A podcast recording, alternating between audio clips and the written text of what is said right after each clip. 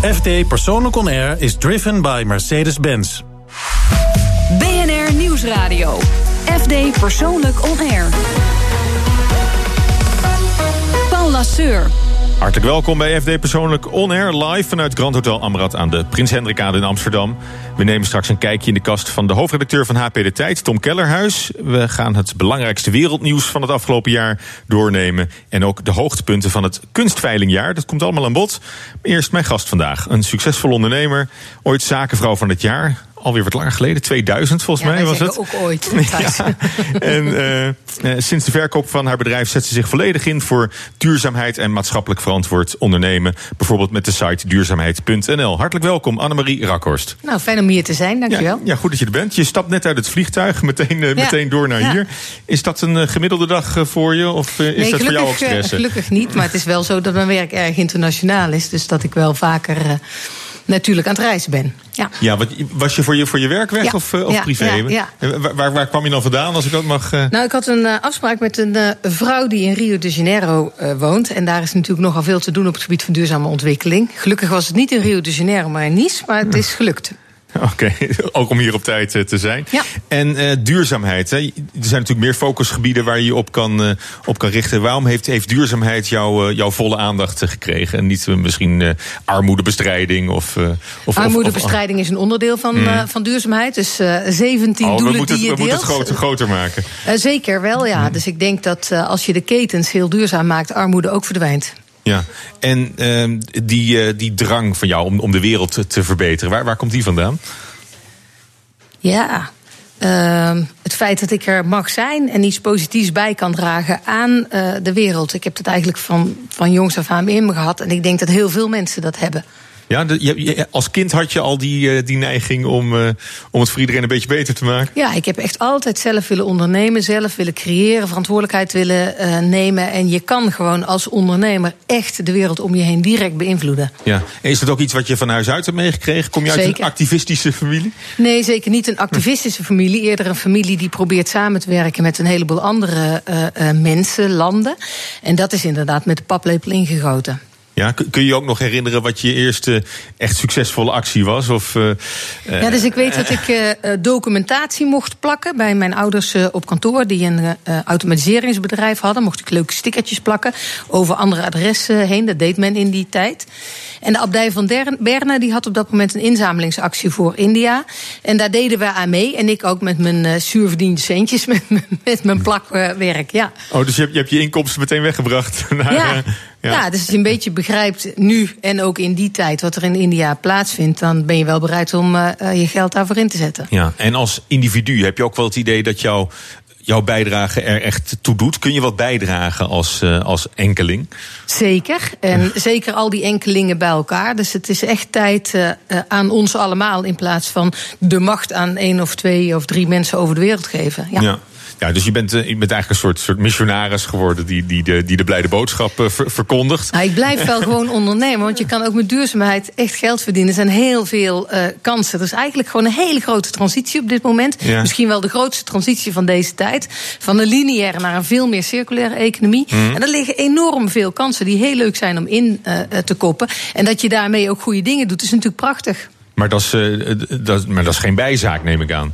Nee, voor mij is dat, dat is voor jou wel de kern. Voor mij is dat de kern. Het is, een, uh, het is een hoofdzaak, maar het is niet een apart potje. Dus het is veel te lang in allerlei vrijwilligerswerk en liefdadigheidswerk gestopt. We moeten echt de economie veranderen. En dat kan ook. En daarmee doen we en de goede dingen.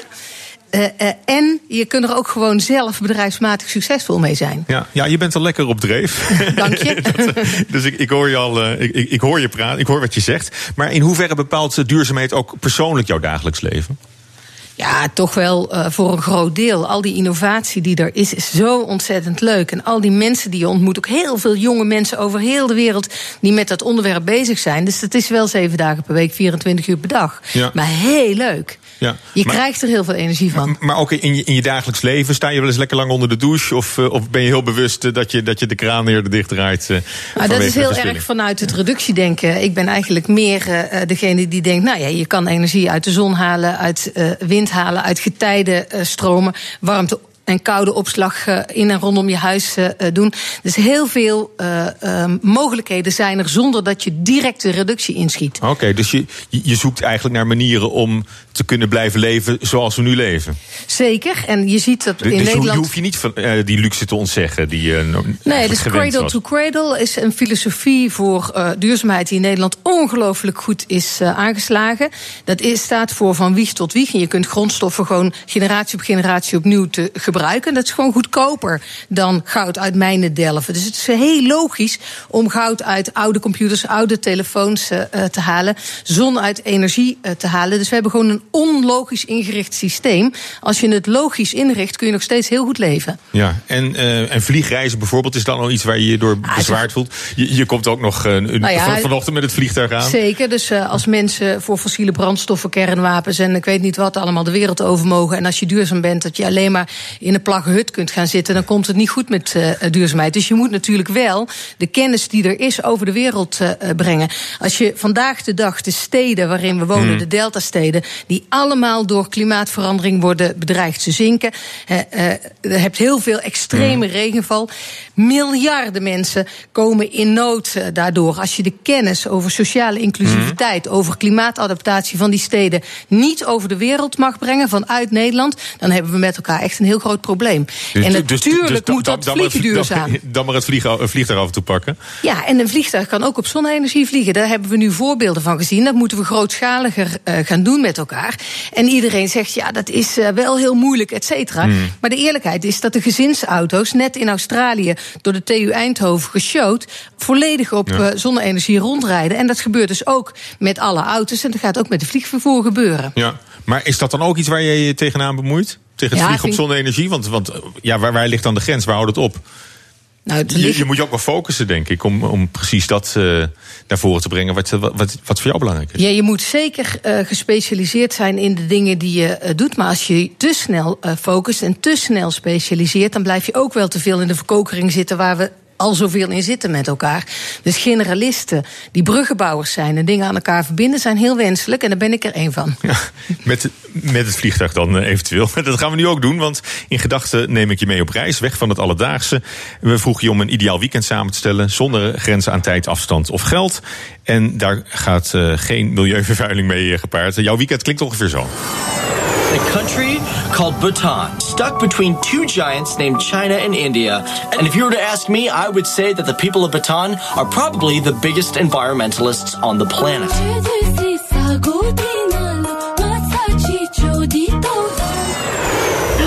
Kijk ze nou liggen. Oh, ik vind het zo. Ik vind Pingwing zo leuk. Hallo. Hallo, lieve Pingwing.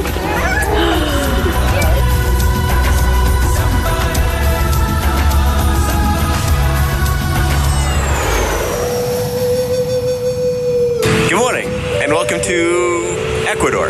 And we are in Quito right now. It's going to be a great day. It's beautiful out. Qué chévere. Bacán. How cool. Ja, dat was het droomweekend van ondernemer Annemarie Rakhorst. Ja, we begonnen in uh, Bhutan, mm -hmm. hè, van het bruto nationaal geluk. Daar, daar kennen Zeker. we het uh, land van. Uh, maar goed, dat is ook makkelijk, want er wonen alleen maar monniken die zich alle luxe ontzeggen. En ik geloof dan best dat ze daar heel erg, heel erg duurzaam zijn. Ja, ik weet niet of je er ooit geweest bent. Nee, ik ben er nooit geweest, maar ik, ik, ik heb die plaatjes wel gezien. En ik zie daar hele gelukkige mensen, uh, ja. inderdaad. Dus het is een prachtig land op de toppen van de uh, Himalaya. Ik ben daar samen met mijn vader uh, geweest. Wat natuurlijk ook heel dierbaar is. Mm. Dat je daar dan samen met z'n tweeën uh, bent. We hebben daar vlindersoorten gezien. Meer dan magnifiek soorten die je nooit in Nederland zal tegenkomen. ja, het is gewoon een prachtig land met een hele mooie bevolking. Ja, maar ook, het is wel een arm land.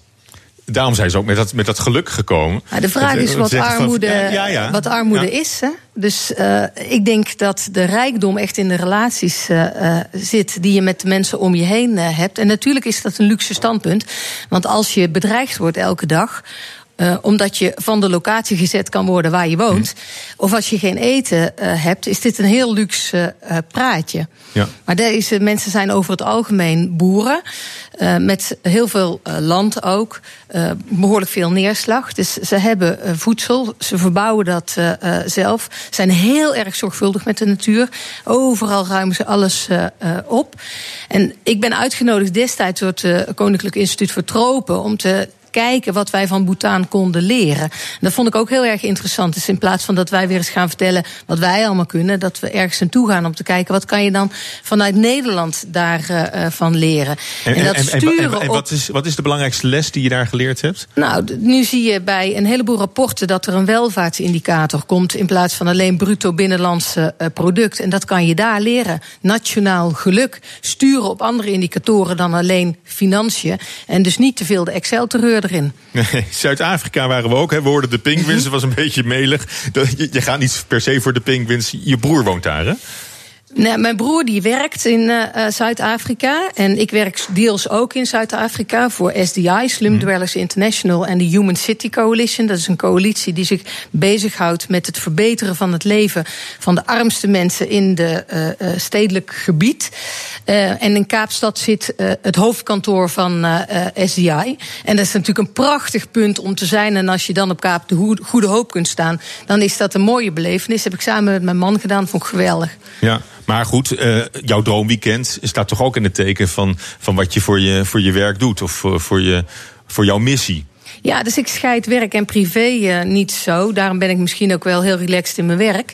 En uh, het is heel mooi om ja, de natuur te bekijken. Als je bijvoorbeeld in de Biesbos gaat kijken, op dit moment in Nederland, ja. naar het net verbouwde Biesbosmuseum, dan weet je niet hoe mooi dat dat uh, is. En dan gaat het over duurzaamheid, maar tegelijkertijd wandel je heel relaxed in de natuur. Ja. En in eh, Quito eindigt uiteindelijk Ecuador. Dat is dan weer vrij specifiek. Ja, dat was een, uh, daar was een uh, bijeenkomst van de Verenigde Naties. Toen de New Urban Agenda werd uh, gelanceerd. Dus de nieuwe stedelijk gebiedsagenda. en dat vond ik echt heel erg indrukwekkend. Je kan daar een vulkaan op en met paarden rond gaan rijden. De stad ligt ook heel erg hoog. En dan zie je dat je eigenlijk een hele mooie stad hebt. die vooral vervuild wordt door schoolbussen. Waar zo'n ja. verschrikkelijke smerige stookolie in wordt gestopt gestopt. Dat eigenlijk die stad vervuilt door die paar bussen, schoolbussen, notenbenen, die daar uh, rijden. En dat geeft veel drive om door ja. te gaan met alles wat ik. Maar goed, dat is ook wel een dilemma meteen. Want je wilt die opleiding ook voor die kinderen. Dus daar, daar zijn die schoolbussen een onderdeel van. Zeker, en, en die schoolbussen dus die is... kunnen natuurlijk elektrisch uh, rijden. Dus de total cost of ownership. Als je op die manier hmm. gaat uh, rekenen, dan weet je dat het goedkoper uh, is. En dat is precies die transitie waar we middenin zitten. Ook in Quito. Ook in Quito, nou, wereldwijd. We ja. hebben heel weinig tijd en altijd heel veel te doen. Daarom vragen we elke week aan een prominent uit het culturele veld... waar we deze week heen moeten. En we spraken Simon Reining van het Concertgebouw in Amsterdam. We hebben de komende weken heel veel uh, mooie concerten in het uh, Concertgebouw. En één die springt er echt wel uit voor mij. Dat is het uh, concert Winterfeest. Dat zijn acht concerten tussen 23 en 29 december. Dat is een soort revue voor het hele gezin vanaf zes jaar. En daar wordt een mooi verhaal verteld door Maatje van der Wetering... die onder meer bekend is van Flik in Maastricht...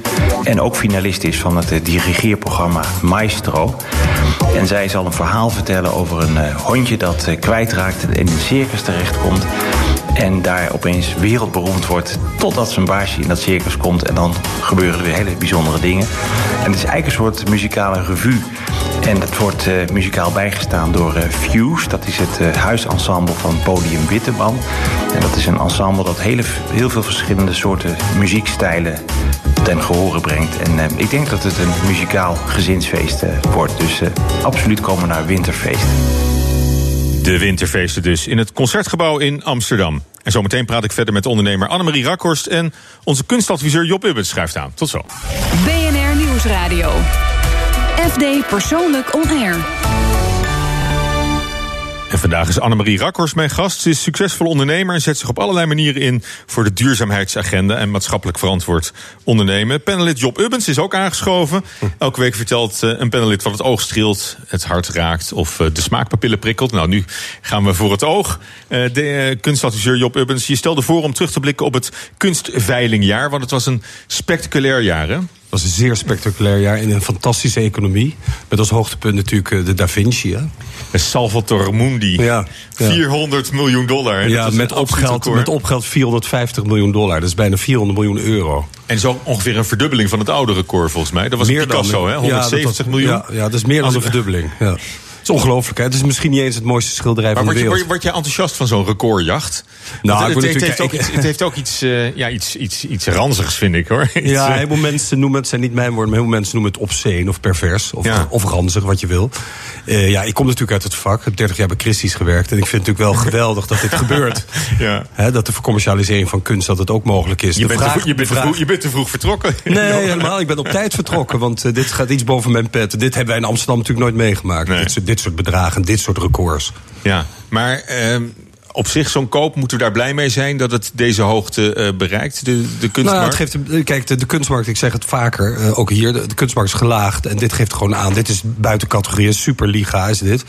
Eh, hoe vaak komt het nou voor? Weinig. Maar de rest van de kunst wordt gewoon meegetrokken. Dat heb je het hele jaar gezien. Het is eigenlijk hoogtepunt na hoogtepunt na hoogtepunt op elk gebied. Ja, want in Abu Dhabi is een dependance van het Louvre neergezet. Ja, dus, nou ja, spectaculair gebouw is het ook. Ja, ik heb, ik heb eh, een paar jaar geleden was ik in Abu Dhabi toevallig.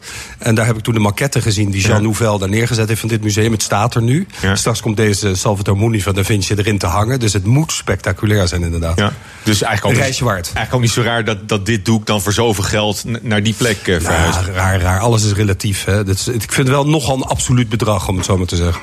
Ja, en het, en het doek zelf, daar, daar begon je eigenlijk al mee, eh, is, is eigenlijk niet eens een heel, heel mooi schilderij misschien. Of er zijn ook dat- kijk, gelukkig, is, gelukkig is kunst persoonlijk. Hè? Ja. Eh, Een emotioneel product, Ja, ook dit zeggen. Ja, zeker. en, eh, maar dit is natuurlijk ook een lokker. Dit wordt natuurlijk de grote trekker. Hè? De Mona Lisa aan het echte Louvre. En het Abu Dhabi Louvre heeft nu ook een Da Vinci. En zoals ze zeggen, de enige die, die er nog particulier te krijgen was. Ja, maar het, is, maar het is geen Mona Lisa. Het is geen Mona Lisa, het is ook, het is ook een man. Hè? En Mona Lisa Maar kijkt... met, met die ogen, toch? Met die ogen. En eh, ja, Mona Lisa kijkt. Ik vind Mona Lisa gewoon een veel mooier schilderij. Ja. Maar goed, eh, het, het- het is niet aan mij, het blijft persoonlijk. En ik denk dat Abu Dhabi heel blij is eh, dat, ze, dat ze hiermee straks kunnen openen. Ja, maar ga, ga, ga je kijken? Annemarie, ga jij kijken? In Abu Dhabi? Ik eh, heb persoonlijk niet zo heel erg veel interesse in Abu Dhabi. Ik heb er veel kunst. gewerkt, zeker. Mijn eh, moeder heeft jarenlang een kunstgalerie eh, gehad. Is eigenlijk net eh, gestopt. Dus eh, kunst zit in het hart gesloten, ja. Dus nou, nou ja, goed. Maar het, het, is, het is, wat je zegt, het is een soort Champions League. Hè? Het is heel, Ja. heel populair ook. Ja, eh. ja, en het, is, het wordt nog op de ouderwetse manier geveld. Hè? Dat is wel interessant. ja, Dus, niet, niet op internet, want dat zou je Nee, verwachten. Nee, het is echt een zaal, het is een event. Hè? Het is een soort experience. Mensen willen bij zijn. Het is een beetje hetzelfde verhaal van waar was je toen John Kennedy werd vermoord. Dus nu kan je je afvragen... Waar, in de zaal ja, toen, Ja, eh? waar was je toen eh, de Da Vinci voor 450 miljoen werd afgehamerd door Christie's in, eh, in New York? Ja.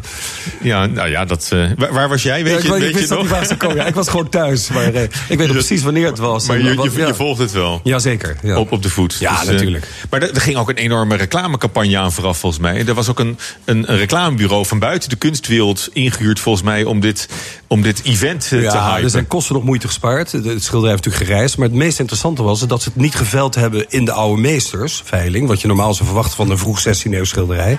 Maar tussen de contemporary art. Dus tussen de Basquiat's en de Picasso's en de Warhols. En opeens daar die Da Vinci voor 450 miljoen.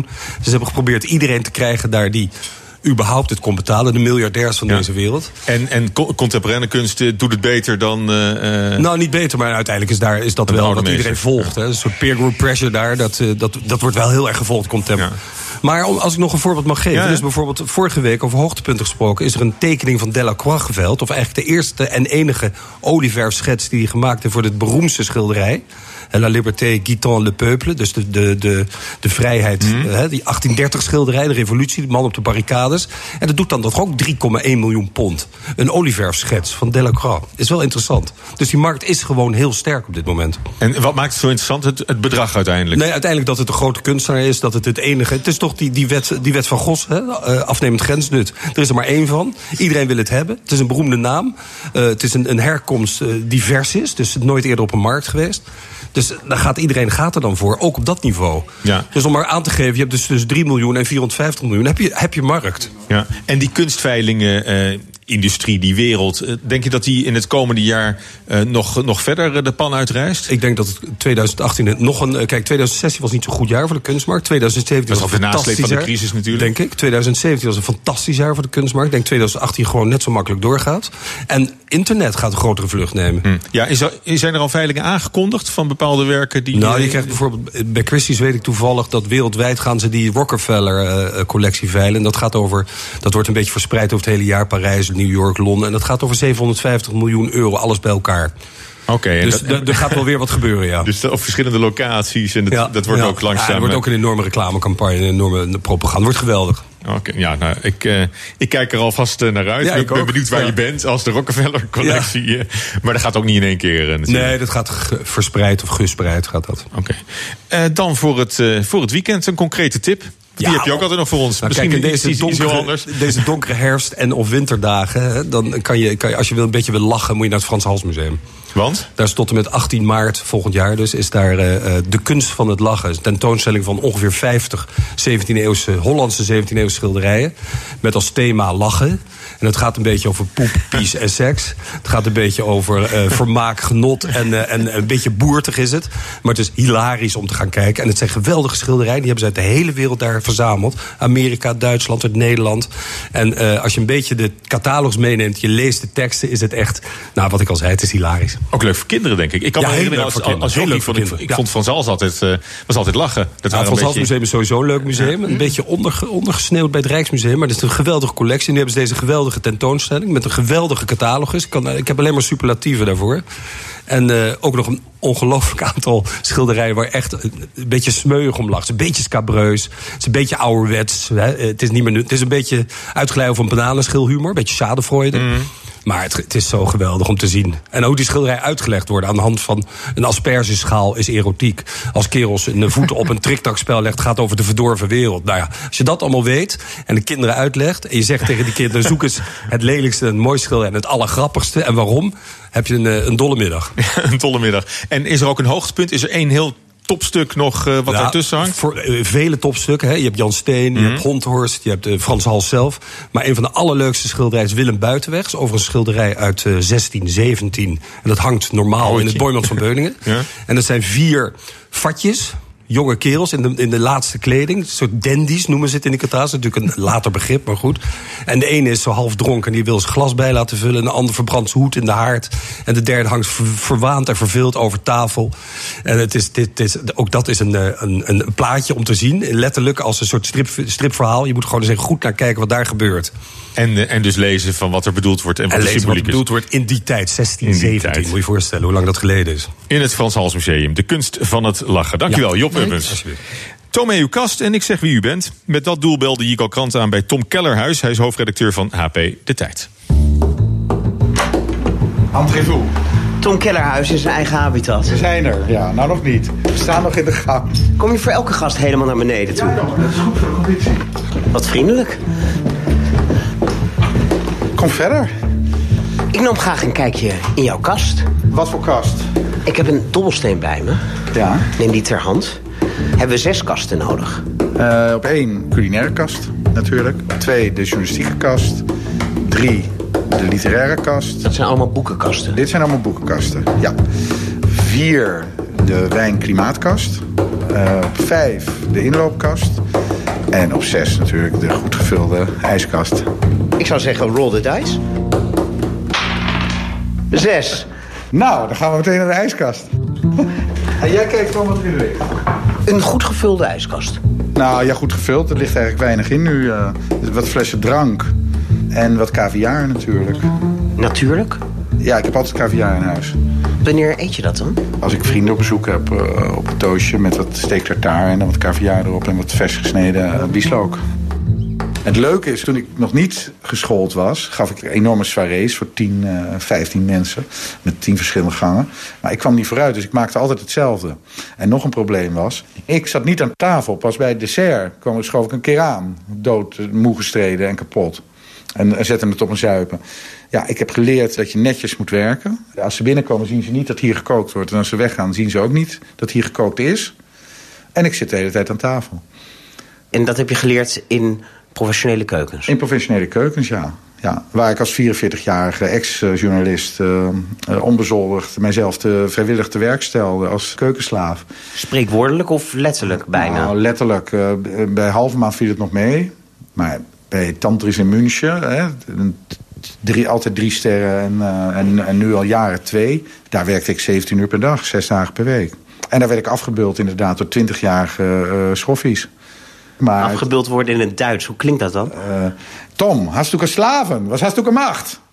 Ja, geweldig verhaal. Ze hadden daar een vrouwelijke sommelier. Lesbisch was ze, vrouw Bosch. En op een gegeven moment had ik weer een hele avond in de kelder... in de spelonken daar uh, tomaten staan plisseren. En mijn schort zat dus toen ik boven kwam... helemaal onder het rode uh, tomatenvocht. Dus de chef zegt... Tom, was du gemacht? Hast du slaven? Ik zeg, nee chef, ik heb seks gehad met vrouw Bosch in wijnkeller. Daar lullen ze nog steeds over. Ze is inmiddels weg daar bij het restaurant. Maar, ja, en toen raakte ze een ster kwijt. Dat kwam door mij. Uh, maar dat kwam niet door mij, want ik mocht helemaal niks doen. Als je daar werkt, in zo'n restaurant, en je begint daar net... en ik heb daar maar drie maanden gestaan... dan komt wat je doet helemaal niet in de buurt... bij wat enigszins normaal koken lijkt. Je staat de hele dag dingen schoon te maken en te poetsen. En groenten schoon te uh, maken. He, dus in die zin was ik echt een slaaf. Als ik daar wat langer had blijven zitten... dan was ik gaandeweg natuurlijk uh, wel doorgegroeid. Maar die tijd had ik niet en de puff eigenlijk ook niet.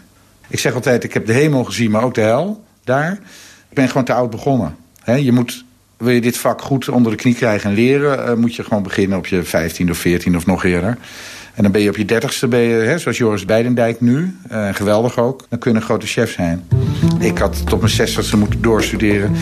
En dan was nog maar de vraag of ik, of ik net zo getalenteerd geweest zou zijn als Joris. Ik denk het niet, eerlijk gezegd. Maar dankzij die ervaring in professionele keukens... kan je nu een heel aardig potje koken en zelf ook aan tafel zitten. Ja, ik kan nu uh, redelijk professioneel koken, ja. Het punt is een beetje dat ik natuurlijk de laatste tijd weinig thuis kook. Omdat ik bijna iedere avond in een restaurant zit.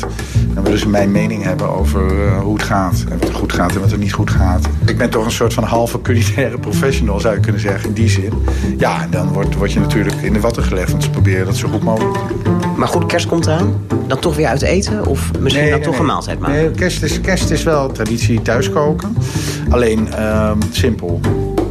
Want ik eet eigenlijk de rest van het jaar is het één groot kerstfeest. Dus we uh, beginnen met caviar en daarna? Nee, ik begin niet eens met caviar. Met, met kerst hou ik het gewoon simpel. Het wordt gewoon een runderrollade, een limousin runderrollade... met wat truffelpuree, uh, rode kool. Het is hartstikke lekker, maar het is gewoon simpel. Lekker simpel. Dat was de kast van Tom Kellerhuis. En zometeen praat ik verder met ondernemer Annemarie Rakhorst. En we praten met historicus Han van Bree over zijn bestsellerserie Vol Wereldnieuws. Tot zo. BNR Nieuwsradio. FD Persoonlijk On Air. Vandaag is Annemarie Rakhorst het hele uur mijn gast. En daarbij is aangeschoven Han van Bree, de samensteller en schrijver van de bestsellerserie Het Aanzien van. Nou, hoe, ja. ziet, hoe ziet jouw jaar eruit? Uh, dan nou, over het algemeen? Nou, nu heel druk, want nu ben ik bezig met de afronding van uh, het aanzien van 2017. Ja, maar dus, begin je op 1 januari alweer aan 2018? Ja, start? Het, gaat, het gaat vrij laat, naadloos in elkaar over. Omdat, kijk, eigenlijk uh, is het aanzien een beetje mijn tweede natuur geworden. Omdat als ik de krant lees en ik zie een foto, dan denk ik... En dat doe ik al op 2 januari meteen al. Dan denk ik, oh, dat is een foto, die moet ik even onthouden... want die is leuk voor het boek. Ja. Dus eigenlijk ben je... Kijk, maar, maar aan het eind van het jaar heb je altijd te veel natuurlijk. En dat merk je waarschijnlijk in de loop van het jaar ja, al. Ja, Dan, precies, dan wordt de stapel veel te hoog. Ja, nee, maar je, je, je bouwt natuurlijk in de loop van het jaar maak je lijstjes. En uh, dan begin ik ongeveer halverwege het jaar begin ik echt uh, te schrijven al. Want er zijn er al een aantal onderwerpen. Sportonderwerpen bijvoorbeeld. Die zijn uh, wereldkampioenschappen schaatsen. Zo, die zijn er allemaal aan kant en klaar. Die kun je ja, dan keurig afschrijven. Want dat is wel een vast onderdeel. Het, het WK nou ja, schaatsen. Dus, dat... Zeker als, als, ja, als met, de met WK elke keer Kramer. En, nou ja, dat is elk jaar. Hè. Schaatsen is het elk jaar. Uh, en Kramer doet natuurlijk ook wel. Uh, dus het blijft een fenomeen. Dus die. Uh, dat, dat soort onderwerpen komt wel terug. Het schaatsen is natuurlijk ook typisch Nederlands. Het is een beetje zoals een cabaretier die aan zijn oudejaarsconferentie werkt. Ja. Of, of, of, ben jij... Nou, het is, iets, het is iets minder grappig, denk ja. ik, dit. Uh, hoewel er ook wel... Uh, we proberen er ook wel leuke uh, en zo in te zetten... die mensen ook weer vergeten zijn. Die mm. fidget spinners. Ja, ja. Oh, die komt er wel in terug. Ja, ja, ja, ja, juist. Omdat dat, mm. denk ik, onderwerpen zijn die mensen ja. uh, zelf gedaan hebben... of kinderen zelf gedaan hebben... en die dus ook voor heel veel mensen herkenbaar zijn. Dus als ze dan door het boek bladeren. En ook over tien jaar, hè? Want het is op termijn uh, ook een, een uh, zinvol boek. Uh, over tien jaar dan, en ze kijken terug, dan denken ze: oh ja, die dingen hebben wij ook nog ergens op zolder liggen. En daarna ja, ja. ook nooit meer iets mee gedaan. Maar dat roept wel een herinnering op. En, en wanneer komt die uit? Want het is natuurlijk het leukste als hij onder de kerstboom kan liggen. Maar, ja, dan, maar dan dat, mis je een week. Ja, maar dan is het precies. dan, is dus het, dan is het niet voorbij. Nee, 10 januari ligt in de boekwinkel. 10 januari. Nou, dat. en, en je doet het al bijna 35 jaar, hè? ja, dit wordt mijn 35ste, ja. Oh. Ja, goed hè? Bijzonder. Ja. Ja. ja. nee, maar nee, nee, nee, wordt het niet eens tijd voor wat nieuws, denk je dan bijna? Nou, kijk, het grote voordeel voor mij is dat het een, een, een part-time uh, activiteit is. Mm. Hè, die is vooral op het eind van het jaar. Nu is het heel druk, daar ben ik er fulltime mee bezig. Maar dat betekent dat ik daarnaast allerlei andere uh, projecten en boeken kan doen. Ook onder andere over het Koninklijk Huis. En het nieuws staat in het boek. En nieuws staat in het boek. Ja, het is allemaal oud nieuws natuurlijk wat in het boek staat. Ja, maar het is bewaarnieuws. Dus dat is wat. Uh, en, en het is, kijk, het is net als. Uh, het aanzien is net als uh, goede wijn. hoe langer je laat liggen, hoe lekkerder het ook wordt. Dus het is ook echt bewaren. Het zijn ook boeken om, om je herinnering vast te houden. Je vergeet heel veel. Ja. Mensen die door het boek bladeren, die hebben ook een heel raar. Mensen hebben een heel raar tijdsbesef. En als mensen dat boek oh, bladeren. Is dat, dat, is dat pas een jaar geleden? Of, ja, of, of, andersom? Ja, nee, nee dat, dat, dat is, gaat altijd mis. Oh, ik dacht dat dat jaren geleden was. Ja. Maar dat, dat was en, nog, dan, en dan blijkt het echt, want zeker... Maar over, de, overleden popsterren en zo, dat soort... Uh, ja, want ik de, vroeg... Tom Petty, zit Tom Petty erin, Jawel, tuurlijk. En, en, maar uh, laatst had nog iemand van... Uh, Leonard Cohen heb je er ook al in staan. Ik maar zei, die ja, was vorig jaar? Precies. Ja. Ah, okay. Maar zie je, dus zo onthouden mensen dingen Maar dat was misschien in december dan of zo? Ja, dat was november. ja, was november, maar het was eind van dus, het jaar. Dus dan, is het, dat, dan zit je er makkelijk naast natuurlijk. Maar je weet nu dus al eigenlijk met grote zekerheid wat, wat erin komt. Ja. Ja, dat ligt eraan wat er nog gaat nog, gebeuren, toch? Nou ja, natuurrampen. Ja, nee, maar ik, heb, ik, heb, ik heb nu nog, want ik heb ergens een lijstje bij me. Ik heb nog uh, zes, uh, acht pagina's open die ik nog uh, moet invullen. Maar ja, er staan een heleboel duurzame onderwerpen in. Ja, ook. nee, ook een heel, dus de, door, door het ja, jaar. Wat, wat, is, wat is nou het, het duurzame onderwerp in? Nou, het, het, het, een aantal duurzame onderwerpen die, die, die, die terugkomen bijvoorbeeld de plastic soep. Maar dan gaat het vooral om het milieu. Ja, en, en dat, die veegarm die die jongen uit Delft heeft. Ja, dat was jongen uit Delft. Ja, dat was Slat. Bojan Slat. Ja, Ja, dat was ik- de ik- Nederlander van het jaar. ja, maar dat was het jaar ervoor eigenlijk al. Dit jaar is, je had, je had zo'n zo'n eiland, zo'n paradijselijk eiland... waar niemand woonde, maar waar wel een strand bezaaid Ja, ja. lag... met eh, allerlei plastic. Hè. Die hele plastic soep is natuurlijk Maar echt het is ook een, eh, visueel, want het is een, het is een plaatjesboek. Ja, en, en, en bijvoorbeeld ook eh, de Great Barrier Reef... die helemaal verbleekt Mhm. Eh, door de milieuvervuiling. En... en eh, nou ja, afbrekende eh, ijsplaten op Antarctica. Weet je, er, er is gewoon heel veel. nou ja, en orkanen die steeds heftiger en steeds vaker voorkomen. En dan eh, op, in, in Houston en op Sint Maarten gewoon heel veel ellende aanrichten. En dan de ene orkaan is er niet geweest of de andere dendert eroverheen. Ja. En, en hè, wat, wat die eh, gouverneur in Californië laatst zei: van Ja. het is het nieuwe normal. Eh, we moeten rekening mee houden. En dat heeft allemaal te maken met eh, die klimaatverandering. En eh, dat is, betekent dat- allemaal hoe belangrijk duurzaamheid Wat eh, dat betreft kun je ja. voorspellen wat er in het boek van volgend jaar komt eh, eh, te staan. Ja, het zou wel fijn zijn. Nou, microplastics, dat is echt een heel Ja, ja. groot Ja, ja, probleem. ja. Dus plastic soep krijgt veel aandacht, omdat het visueel is. Maar daar heb je weer geen foto van. Of je moet microscopisch misschien. eh. Nou ja, je, kan- je, het, het, het, het concentreert zich vooral op de Noordpool. Ja. En, eh, dus, dus je kunt, en, en je ziet ook dat, dat met name ook ijsberen en zo daar last van hebben. En Hmm. dus, dus dat kun je wel visueel. Je hebt, je hebt prachtige foto's, tragisch prachtige foto's. Ja. Van, van ijsbeertjes die op een steeds kleiner ijsschotje. Ja, ja, ja, ja. En eh, ja, dan kun je wel voorspellen wat er gebeurt. En het zou mooi zijn als we er een keer goed nieuws in kunnen zetten. Ja, nou ja. Maar dus, en- maar wat- ja, want op, op zich denk ik, eh, Han, heb je. ehm, ik bedoel, dat boek moet er ieder jaar komen. Dus dat, dat kan alleen. Jij kan alleen, denk ik, werken, ook, ook in je hoofd met je lijstjes, als je vaste rubrieken hebt. Dus, ik denk dat er een stukje sport in zit. Er zit een, een gra- grappig nieuwtje in. Er zit eh, politiek. Eh, Nou we ja, hebben nee, verkiezingen gehad, ka- kabinetsformatie. Ja, ja, ja, dat- nee, maar dat, kijk, het, het aanzien is in feite een spiegel van wat in eh, het afgelopen jaar belangrijk wordt gevonden in de pers. Dus eigenlijk, wat veel aandacht krijgt in de pers, heeft natuurlijk sowieso een grote herkenningswaarde voor mensen die het kopen en lezen. Dus eigenlijk ben je. Dus het is niet zo dat ik een lijstje heb van er moeten maar je, je, bent- 25 je, bent- je, je bent sportonderwerpen. meer dan een doorgeefluik, denk ik. Jawel, nee, ik maak natuurlijk wel een selectie, maar je, je, je werkt vooral heel erg op de AH. En het is natuurlijk wel zo. Kijk, ik heb geen lijstje van er moeten 15 onderwerpen sport en, en, en eh 10 economie en 15 politiek of zo. Soms heb je een jaar met, met heel veel sport. Als je Olympische Spelen hebt, dan heb je een jaar met heel Ja, veel sport. En net als dit jaar toevallig, aansluitend op het onderwerp van net... eh, zit er eigenlijk vrij veel kunst in. En ja, dus dat vind ik dan ook V- wel weer- Vanwege die Salvatore Mundi van, eh van nou, de onder Vinci. andere, maar ook, ook het, het vertrek van, van mevrouw Roef, Beatrix Roef, Ja. eh, het Stedelijk Museum. Eh, de Museum de Pont eh, bestond 25 jaar en kreeg een heel nieuw eh, standbeeld van eh Anish Kapoor. Weet je, ook dat soort dingen, dat geeft in het laatste geval letterlijk bijna lucht. eh, ook binnen Ja, het boek ja, ja. tussen al die eh, tragische dingen als, als eh, Irak, Syrië. En natuurgeweld. En, En natu- eh, ja, dat soort zaken. Ja, want nogmaals, dat, dat zijn ook meer de.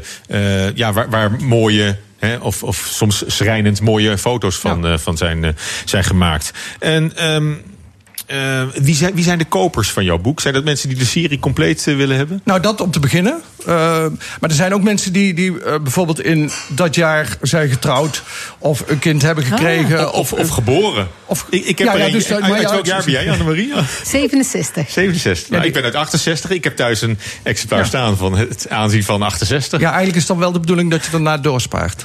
Ja, dit- ik, ik, ik, heb er, ik heb er nog een paar, maar ik, Oké. ik, ik, ik koop hem niet, ik koop hem niet elk jaar bij. Nee, eh. nee, ik, ik heb een, een, een vriend van mij die, die uh, van, vanaf dat hij getrouwd is, koopt hij elk jaar uh, het boek. Dus hij moet ook niet scheiden, want dat zou dan weer zonde zijn. Maar die, uh, die heeft vanaf zijn trouwjaar de hele ja. reeks gepleegd. Dus op die manier brengen mensen hun leven eigenlijk Mm. visueel ook in, in kaart. En eh, 2017, hè, want 68, 67, toen gebeurde er nog echt wat. Hè? Dat was de tijd waarin we eh, op weg waren naar, naar de maanlanding en, en, en dat soort dingen. Dus, dus er was in de wereldpolitiek echt eh, heel veel eh, aan. Tenminste, ik vond het, eh, Spectaculair. vond het een spectaculair jaar. Was 2017 ook een, eh, een interessant jaar? Of een beetje Nou ja, een saai nieuwsjaar? Nee, nee, in- interessant sowieso. Maar de- kijk, het is heel eh, lastig om eh, een jaar te typeren. Ne- Neem bijvoorbeeld eh, voetbal. Als je van voetbal houdt, dan kun je, als je van vrouwenvoetbal houdt, was het een hartstikke leuk jaar. Want Nederland werd Europees kampioen. Als je van het nationale elftal houdt, is het een heel vervelend jaar. Want ze hebben zich niet geplaatst voor het WK. Als je een Feyenoord-fan bent, dan staat juichend Dirk Kuyt in het boek. Weet je, dat is leuk.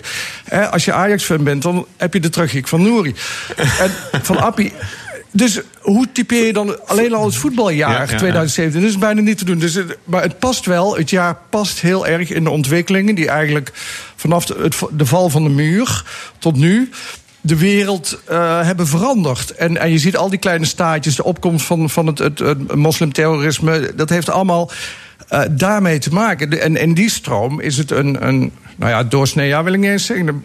Is, is ieder jaar heeft zijn, zijn specifieke bijzondere dingen. Ja. Het is eigenlijk ook raar om het op te knippen per jaar misschien. Want dat is eigenlijk het- een arbitraire het, het zijn inhoud. langlopende eh, Ja. trends en tendensen die, die we in beeld eh, brengen, denk ik. Ja, En- maar je- we, we, we denken, we, we denken in jaren, hè, dus dat, dat is wel zo. Maar het zijn natuurlijk. Ja, je sluit ook in, met het boek aan op trends. Dat is ook wel een voordeel bij het maken van een boek. Als er iets gebeurt, dan denk ik van ja, ik wacht nog even hoe ver eh, het afloopt. En dan kan ik het in januari volgend jaar, dan kan ik het volgend jaar ook behandelen. Weet je wel? Dus dat, dat is het voordeel van een serieboek ook. Ja, dat is, dat is mooi. Nou, je hebt er 35 gemaakt. Hoeveel Ja. komen er nog? Nou, van ik jouw heb, hand? Ik heb met de uitgever afgesproken dat ik eh, er 50 ga maken. Dus ik eh, ga nog Oh. 15 jaar door. We kunnen nog even, even vooruit. Ja. Eh, genieten van het aanzien van. Nu dus 2017. Dankjewel, Han graag van gedaan. Eh Annemarie, we hebben je ook gevraagd om een eh, nummer te kiezen. We draaien altijd een, eh, een, een muziekplaat voor onze gast. En jij koos All of Me van John Legend. Ja. Waarom dat nummer? Ja, omdat de tekst briljant is. Het gaat echt over liefde. En volgens mij is liefde een geweldig verbindend. eh, het is zo verbindend voor ons allemaal. En het gaat over: ik accepteer alles van jou en jij accepteert alles van mij. Ik vind het echt briljant. Nou, we horen hem al. John Legend.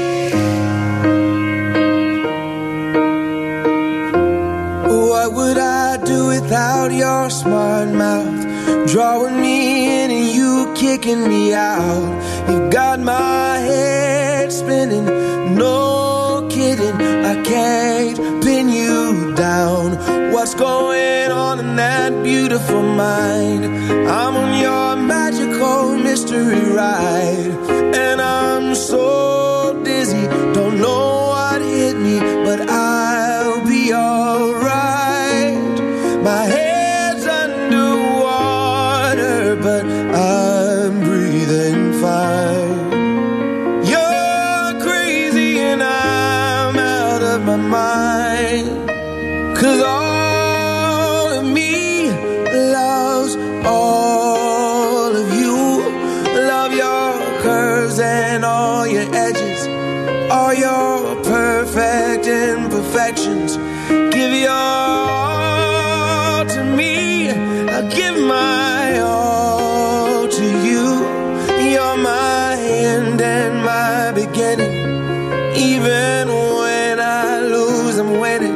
And you give me all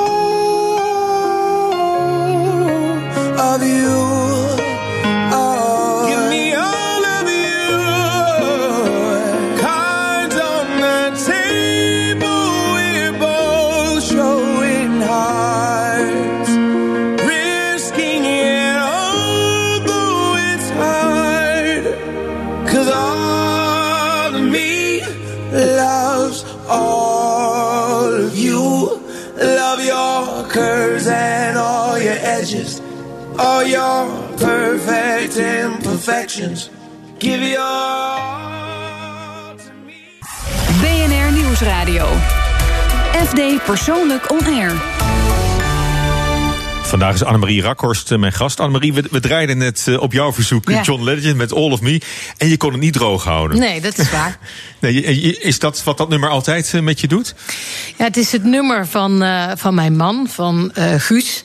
Die mij heeft geholpen met de rouwverwerking van mijn man die overleden is. En ja, je kunt je voorstellen dat het die tekst je dan heel erg aangrijpt. Omdat je een achtbaan van emoties ingaat. En dat er dan iemand altijd voor je is. En dat heel moeilijk is eigenlijk in een startende relatie. Is natuurlijk heel bijzonder. Ja, want eh, eh, je man is hoe lang geleden overleden, je eerste man? Zes jaar eh, geleden overleden. En ik ben zeker vijf jaar met Guus samen. Dus hij heeft die hele, die hele achtbaan van emoties met mij doorgemaakt. en op een meer dan bijzondere manier ja, met mij eh gemanaged. En daar zal ik hem altijd dankbaar voor zijn. En dit nummer is eigenlijk dat nummer voor mij. Ook wel bijzonder dat, dat muziek dat dan ook bij je, meteen bij je, bij je oproept. Hè? En meteen eh, Ja, en soms- jou daar weer naartoe brengt. Nou, soms doe je natuurlijk dingen waarvan je denkt van ja, waarom doe ik dat nu? En dat iemand dat je daarin meeneemt en dat accepteert is gewoon eh, het mooiste wat mensen voor elkaar kunnen betekenen. Ja, met, eh, met muziek is Ja. dat is ook heel, Ja. heel bijzonder. Je had ehm, een eh, ingenieursbedrijf van 1994 tot eh, 2004, Search. Ja.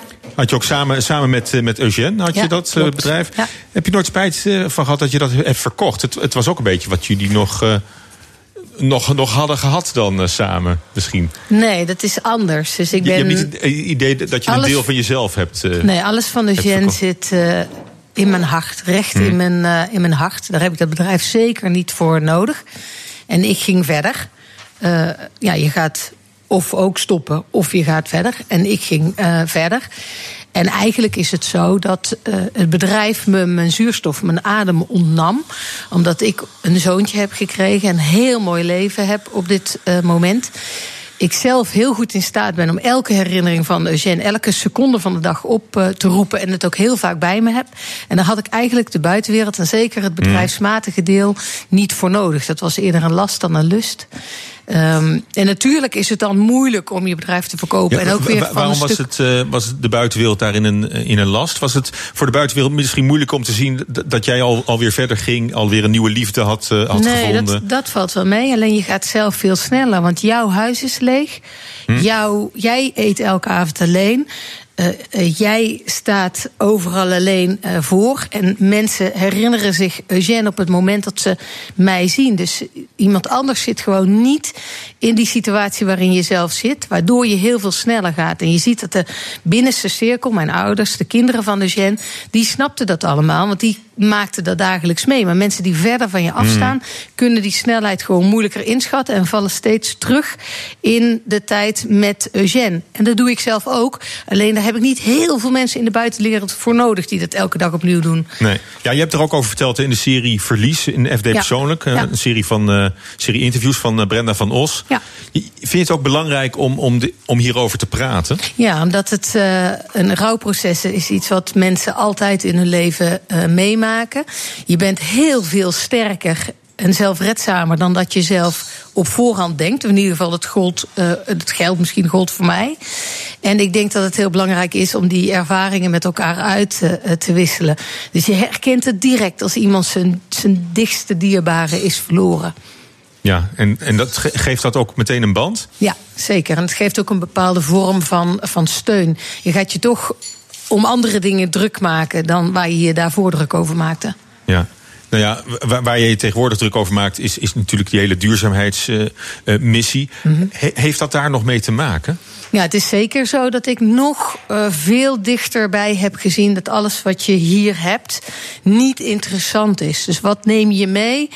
Alle bijzondere momenten, je relaties met mensen. Maar materie is eigenlijk allemaal klinkklare uh, nonsens. En natuurlijk moet je goed dak boven je hoofd hebben. Natuurlijk moet je goed kunnen eten. Er zijn hele belangrijke dingen, gezondheidszorg. Maar je druk maken om nog meer uh, luxe. Spullen. Spullen, nee. Dematerialiseren. Dat is, dat is toch wel. Uh, hoe je erin, uh, erin staat. Ja, want je weet gewoon echt heel goed wat belangrijk is. Dat wist ik al en het is alleen maar daardoor nog sterker geworden. Ja. Waarin heb je nou. Um misschien wel los daarvan, of misschien wel in samenhang daarmee. Maar waarin heb je nou echt het meeste plezier? Ook als je kijkt naar, uh, uh, naar, de lezingen die je doet en, en, de, en de boeken die je schrijft. En dat je bedrijven juist uh, probeert te overtuigen om, om duurzaam te gaan ondernemen, maatschappelijk verantwoord. Waar haal jij het meeste plezier uit? Ja, dat is toch de impact. Het is wel echt meters maken. Dat is een van de dingen die ik op dit moment aan het doen ben met HCC, de Human City Coalition, is proberen op het moment dat een groot infrastructureel werk wordt aanbesteed in een grote internationale stad, Manila, Jakarta, dat sociale inclusiviteit een onderdeel is van die aanbesteding. Dus dat uh, ja. vaak informals, mensen die geen status hebben, die in een stad uh, zitten, niet uit die stad uh, verwijderd worden, maar juist er een hele mooie inclusieve stadsontwikkeling ontstaat, waardoor er ook meerwaarde ontstaat voor de mensen die eigenlijk het meest van werk afstaan, van gezondheidszorg afstaan. Uh, Echt op, op microniveau? Ja, dat is op microniveau. Uh, dat heeft op microniveau effect. Maar het gaat wel om 1 miljard slumdwellers. En in 2050 zijn er 3 miljard mensen van onze wereldbevolking die in slums wonen, dus in sloppenwijken wonen. En vaak uit gebieden gezet worden, omdat daar een projectontwikkelaar ja. aan de stad gaat, samen met, de, met uh, een stad natuurlijk. Ja, en op het moment ik, ik, dat je, ik, dat, ja, dat, je dat kunt veranderen, en dat kunnen wij, dat doen we gewoon, uh, dan uh, verbeter je het leven echt van ja, miljard mensen. Ja, ik, ik hoor je dat nu vertellen, maar tegelijk zie ik dan Jakarta voor me of Manila. Dat, dat, dat is toch onbegonnen werk? Zink, nee, dat daar moet je nooit zo. in de schoenen. Nee, echt niet. Dus de millenniumdoelen, dat zijn de voorlopers van de Sustainable Development Mhm. Goals... die iedereen heeft omarmd in Nederland, de werelddoelen. Die 17, hadden als hè? 17 werelddoelen, die hadden als doelstelling om honger in uh, 15 jaar te halveren. Dat is in 12 jaar gelukt. Maar we weten dat niet met elkaar. En als je dat niet weet, dan komt het niet in het prachtige overzicht van dat, uh, van dat jaar. Uh, in het prachtige boek. Als je dat niet weet, dan heb je ook niet het handelingsperspectief naar de toekomst toe. Dus voor 2030 willen honger de wereld uit helpen. En dat kan gewoon. We zitten in het staartje. Klimaatverandering willen we stoppen. Dat kan gewoon. Dus het is echt geen moedeloze weg. Het is een weg vol met hoop, waarin een heleboel moet uh, uh, gebeuren. Maar ik raak er zo enthousiast van, omdat ik zie dat het echt kan. We hadden het net over een rivier die uitermate vervuild is. Nederlandse rivieren waren het rioolputje van Europa. Dat waren de meest vervuilde rivieren van Europa. En we zijn erin geslaagd met elkaar om die rivieren schoon te maken. Dat je er weer in kunt zwemmen. Alleen als je dat niet laat zien aan mensen... Ja. dan snappen ze ook niet dat het echt zin heeft. En dat we in het verleden al heel veel gedaan hebben met Ja. elkaar. Nou ja, je moet ook dus oog hebben voor de positieve kanten. In ieder geval hebben we in jou een, een warm pleitbezorger voor deze, deze ontwikkelingen. Eh, we gaan nu eh, iets heel anders doen. We gaan binnenkijken bij een huis dat te koop staat. Dat doen we elke week. En vandaag is dat een monument, net buiten Amsterdam. En met uitzicht op de Noord-Hollandse plassen en polders van Wormer en Jisperveld. Een oud gemaal dat 20 jaar geleden vanaf het maaiveld opnieuw is opgebouwd. Maar met behoud van niet te missen elementen. Dit is het, het eh, aandrijfwiel, zeg maar, die de bonkelaar weer aandrijft. Ja, dat is ook niet te missen, hè? Dat ding is Nee. bijna 2, 3 meter eh, qua diameter. Ja, en als je dus eh, erin gaat staan, dan draait hij nog. We staan er niet zo vaak in, maar vroeger gebeurde dat vaker. Nou, nou, De kinderen stonden er wel eens in, geloof ik, hè? Ja, ja, ja. Ja, dus hij zit nu weer wat vaster. Maar in ieder geval, dat was eh, die werd aangedreven door een el- elektromotor die dan daar stond.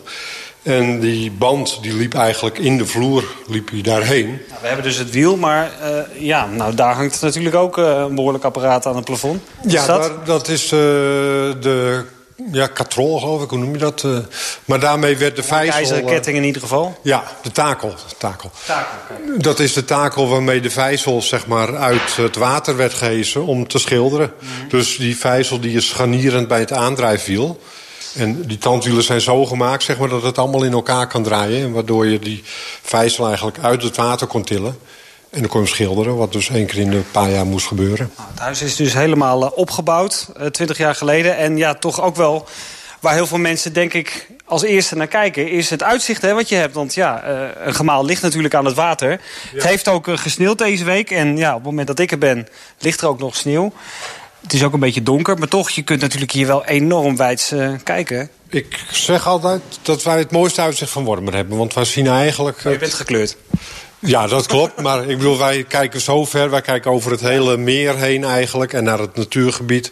Dus uh, ja, dit is eigenlijk wel het mooiste. Want als je aan de korte of aan de lange kant van het meer woont... dan kijk je eigenlijk naar de overkant. En wij kijken gewoon echt de diepte in. Die architect heeft bedacht om hier dan een, een speeltrap te maken. En uh, hij wilde er een houten trap van maken. En wij hebben toen bewust gekozen zeg maar, voor een verzinkt stalen trap. Omdat het enerzijds... enerzijds wenteltrap ook, hè? Uh, ja, een wenteltrap. Enerzijds is dat een industrieel uh, vormgeving. En anderzijds relate of, uh, relateert het ook weer aan de vijzel, zeg maar. Hè? Het is eigenlijk een vijzel die in twee rondjes uh, helemaal naar boven gaat. Uh, de vraagprijs is 8,5 ton. Ja. Het is ongeveer 300 vierkante meter groot, het huis, dus dat is behoorlijk. Maar het staat ook al behoorlijk lang te koop, zo'n anderhalf jaar. Ja. Waarom raakt u het niet kwijt? er zitten wat puntjes aan waarvan mensen kunnen denken van... nou, dat is een nadeel. De tuin is relatief klein, zeg maar, voor zo'n duur huis. de weg loopt vrij dicht langs de voorkant... En aan de overkant staat de fabriek. Maar op zich heb je van al die punten geen last. Want die fabriek die is buiten gebruik. Dus die... Je kunt de mensen dus niet overtuigen of de makelaar? Nee, de makelaar kan de mensen niet overtuigen. Ik heb de mensen zelf niet gesproken. Dus uh, ik zou het misschien liever zelf doen. Omdat ja. ik gewoon wel kan aangeven dat het uh, eigenlijk geen minpunten zijn die er zijn. Waarom staat dat te koop? Uh, onze relatie gaat, is over en we gaan uit elkaar.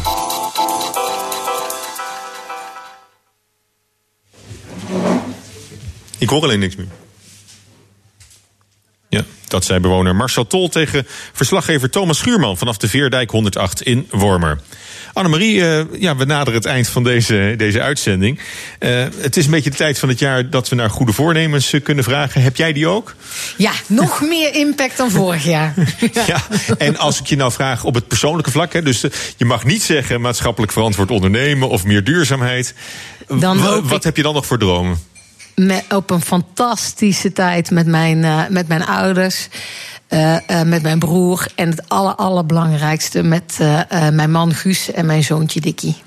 Dus familie is het allerbelangrijkste, ook voor 2018. in mijn leven, ja. Nou, dankjewel dat je mijn gast was en dat je zo openhartig met me hebt, hebt willen praten. Annemarie Rakhorst, dit was FD Persoonlijk On Air vanuit het Grand Hotel Amrad in Amsterdam. Wilt u items terugluisteren, kan dat via de podcast. Die vindt u op bnr.nl en de bekende kanalen. Tot volgende week. Fijn weekend. FD Persoonlijk On Air is driven by Mercedes-Benz.